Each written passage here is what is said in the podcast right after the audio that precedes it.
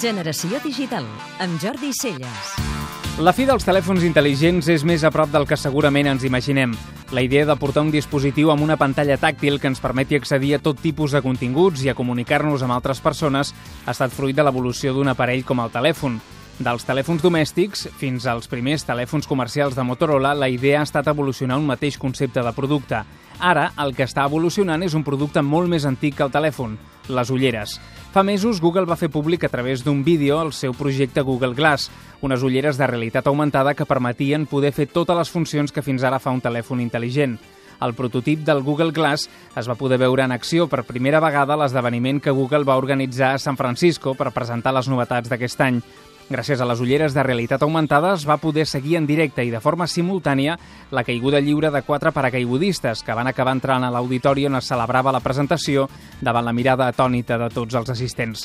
Fa uns dies, seguint l'estela de Google, Microsoft ha presentat una patent per les seves ulleres de realitat augmentada. L'aspecte conceptual és molt similar a les Google Glasses, però difereixen en les aplicacions previstes de forma immediata.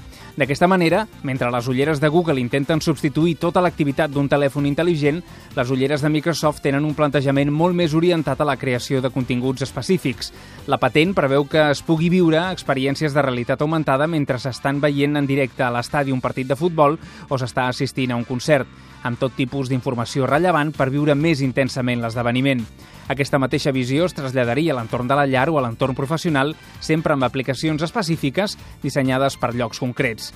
Juntament amb els projectes de Google i Microsoft, altres grans marques com Sony o Olympus estan treballant intensament per superposar una capa digital a la nostra visió de la realitat.